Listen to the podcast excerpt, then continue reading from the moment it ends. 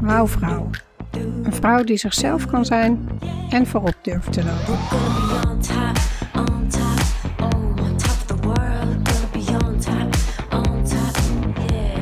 Welkom bij de podcast voor ambitieuze vrouwelijke leiders die dicht bij zichzelf willen blijven en leiden vanuit hun hart en intuïtie. Ik ben Hiltje Oude Luttekhuis en ik wil een wereld creëren waarin je vrouw zijn geen belemmering vormt om een leider te zijn. Als huisarts, CEO van een one-woman biz, mama van vier kids en imperfecte feminist houd ik openhartige interviews met vrouwelijke rolmodellen uit de artsenwereld, wetenschap, tech en entrepreneurship. Vrouwen die voorop durven te lopen. Ook inspireer ik je met female empowerment topics om je zelfvertrouwen te boosten, zodat jij ook voorop durft te gaan lopen. Luister mee. Laat je verwonderen en uitdagen om voorop te lopen. Dit is de Wouwvrouw podcast. Laten we een nieuwe revolutie beginnen.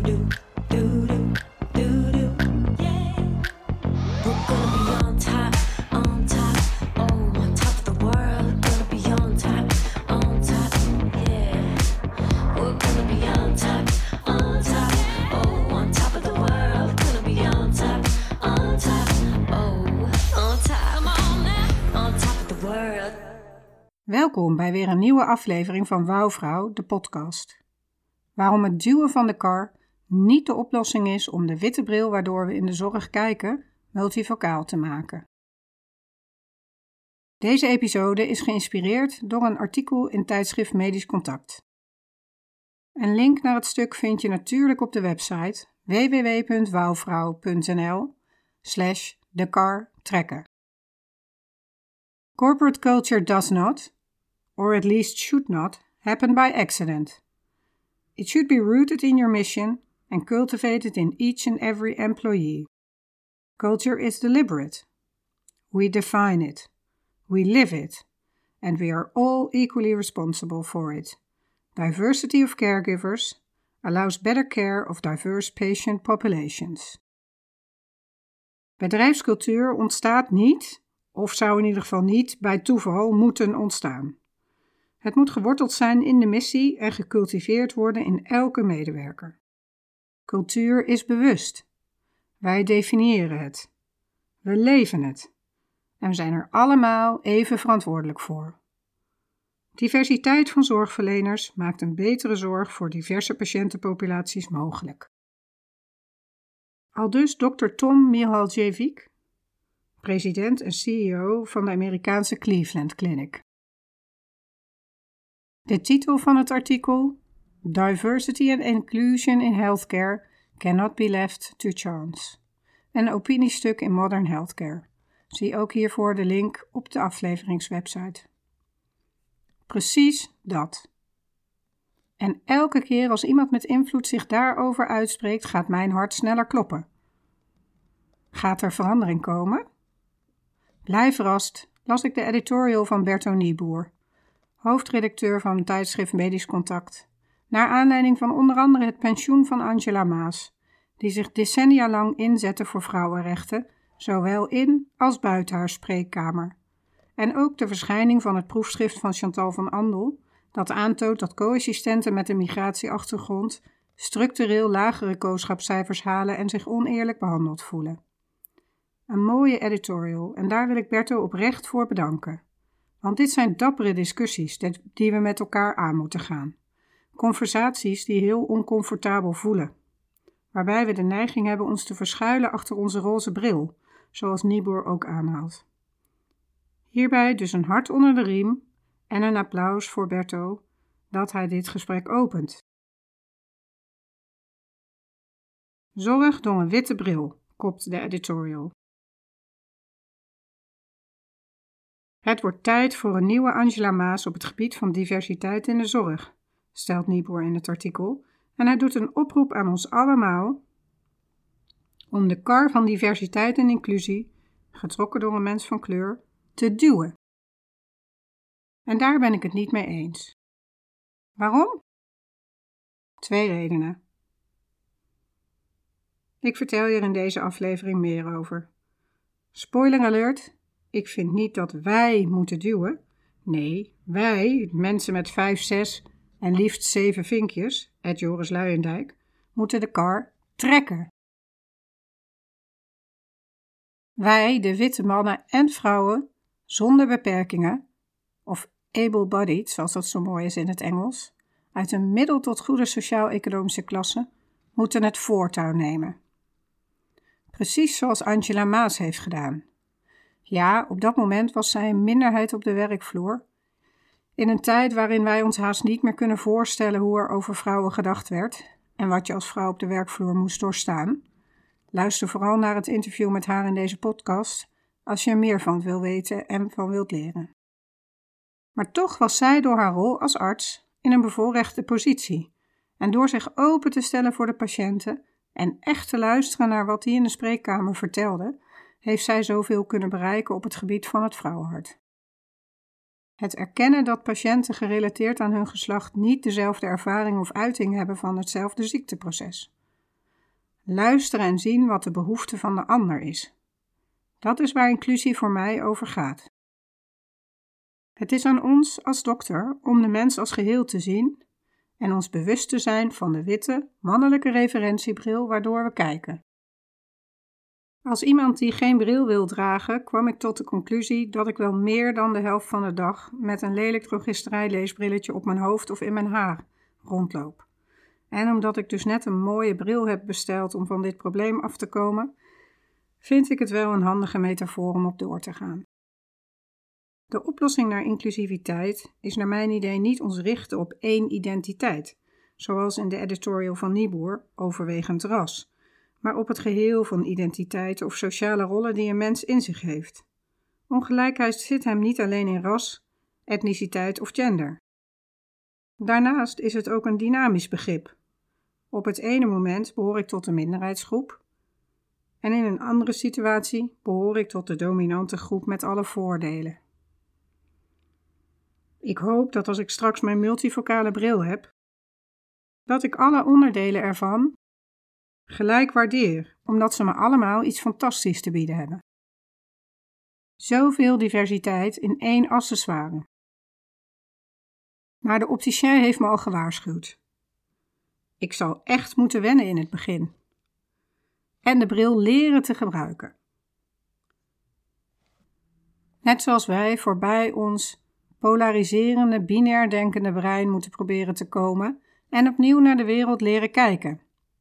Multivocaal. Onbewuste vooroordelen zichtbaar maken en ombuigen. En als we goed ons best doen, wordt dat ons nieuwe, onbewuste kijkgedrag. Net als met mijn nieuwe bril. Inclusie betreft ons allemaal en ongelijkheid is het probleem van iedereen. Een valkuil is dat we vrouwen en mensen van kleur de verantwoordelijkheid geven om de inhaalslag te maken. Het gaat er nu niet om om met een vinger te wijzen naar de oorzaken van ongelijkheid, maar om te erkennen dat het een probleem is dat we gezamenlijk dragen. Het is niet een probleem dat gecreëerd is door vrouwen of mensen met een migratieachtergrond. Laten we de last van het oplossen ervan niet ook nog op de schouders van de achtergestelde leggen. Wanneer we mensen uit minderheidsgroepen vragen om de strijd tegen ongelijkheid aan te gaan, voegen we toe aan hun emotionele last. Dat wil zeggen aan de emotionele tol om ongelijkheid aan te pakken waar je zelf geen rol bij speelt. Daarnaast herinnert het minderheden aan hun zogenaamde token status, de zogenaamde excuustruus of excuusguus zijn. En dit leidt weer tot verdere negatieve stereotypering. Onderzoek wees uit dat wanneer vrouwen en raciale minderheden diversiteits- en inclusie-initiatieven ondersteunen, hun manager en collega's hen als minder competent beschouwen en ze een lagere prestatiebeoordeling krijgen. Wanneer witte mannen hetzelfde gedrag vertonen, leidt dit tot hogere prestatiebeoordelingen. Om ongelijkheid te overwinnen, hebben we mensen in machtsposities nodig om de strijd aan te gaan. Omdat ze de macht, het gezag en het voorrecht hebben om verandering teweeg te brengen. Een echte bondgenoot zijn houdt in dat je verantwoordelijkheid neemt voor het oplossen van ongelijkheid die je mogelijk maakt door je acties of door het gebrek eraan. Wees bewust die bondgenoot. iedereen heeft het vermogen om een bondgenoot te zijn. Aangezien onze verschillende identiteiten, zoals geslacht, leeftijd, fysieke of mentale capaciteiten, ras en etniciteit, verschillende vormen van privileges creëren. We kunnen ervoor kiezen om dit privilege te besteden door ongelijkheid aan te pakken. Met weloverwogen intentie en specifieke acties om de ervaringen van minderheidsgroepen te verbeteren. Ik kijk uit naar een vaste rubriek diversiteit, kansengelijkheid en inclusiviteit in medisch contact. Als wij het faciliteren, zal de nieuwe Angela Maas ongetwijfeld vanzelf opstaan. Laten we leren multifocaal te kijken en zelf actie ondernemen om kansengelijkheid te creëren. Inclusie betreft ons allemaal en ongelijkheid is het probleem van iedereen. Inclusie zit hem in momenten van alle dag. Ieder van ons kan zich inzetten om elke dag acties van inclusie te demonstreren door onze tijd, inspanning en sociale status te investeren om de inclusieontwikkeling en vooruitgang van minderheidsgroepen op het werk te ondersteunen. Vanuit mijn hart, Lies Heeltje. Wauw, bedankt voor het luisteren en voor het vertrouwen dat je in mij stelt. Laten we deze revolutie voortzetten.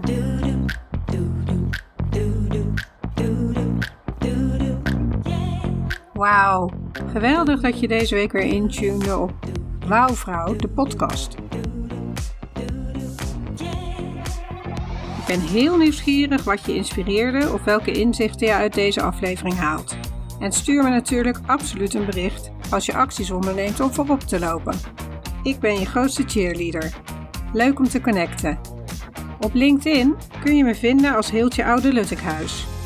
Ik weet het, een hele mond vol. Ik sta meestal bekend als die dokter met die moeilijke naam. Maar als je begint met Heeltje, H-I-L-T-J-E, dan verschijnt de rest vanzelf. Op Instagram vind je me als Wouwvrouw. Dat spel je met W-O-W en dan vrouw. Ben je enthousiast geraakt door de informatie in deze podcast, maar vraag je je af hoe je dit nu voor jezelf gebruikt? Dan heb ik iets heel tofs voor je. Om het beste uit deze podcast en jezelf te halen, heb ik een podcast inspiratiepagina gemaakt. Samenvatten en concretiseren op 1 A4'tje. Je kunt deze tool downloaden via www.wouwvrouw.nl slash podcast. Helemaal gratis en gegarandeerd verdieping die je ook kunt inzetten bij andere content, cursussen of congressen. Vind je deze podcast interessant en ken je iemand anders die wel een empowerment boost kan gebruiken? Deel dan deze podcast of de aflevering die je net luisterde met je collega's of vriendinnen. In de meeste podcast-apps kan dit door op de drie puntjes te klikken en delen te kiezen. Een shout-out op social media is natuurlijk ook hartstikke welkom. Steun je de missie om meer vrouwelijke leiders aan de top te krijgen in de medische wereld, academia, tech en corporate? Boost dan deze podcast door een review achter te laten. Dat is heel eenvoudig. Klik in de podcast-app waarmee jij luistert op reviews. Klik op het aantal sterren dat je wil geven en laat als je zin hebt ook een geschreven review achter. Super bedankt! Om dingen te veranderen heb je mensen nodig die voorop durven te lopen. En ik weet zeker dat jij dat in je hebt.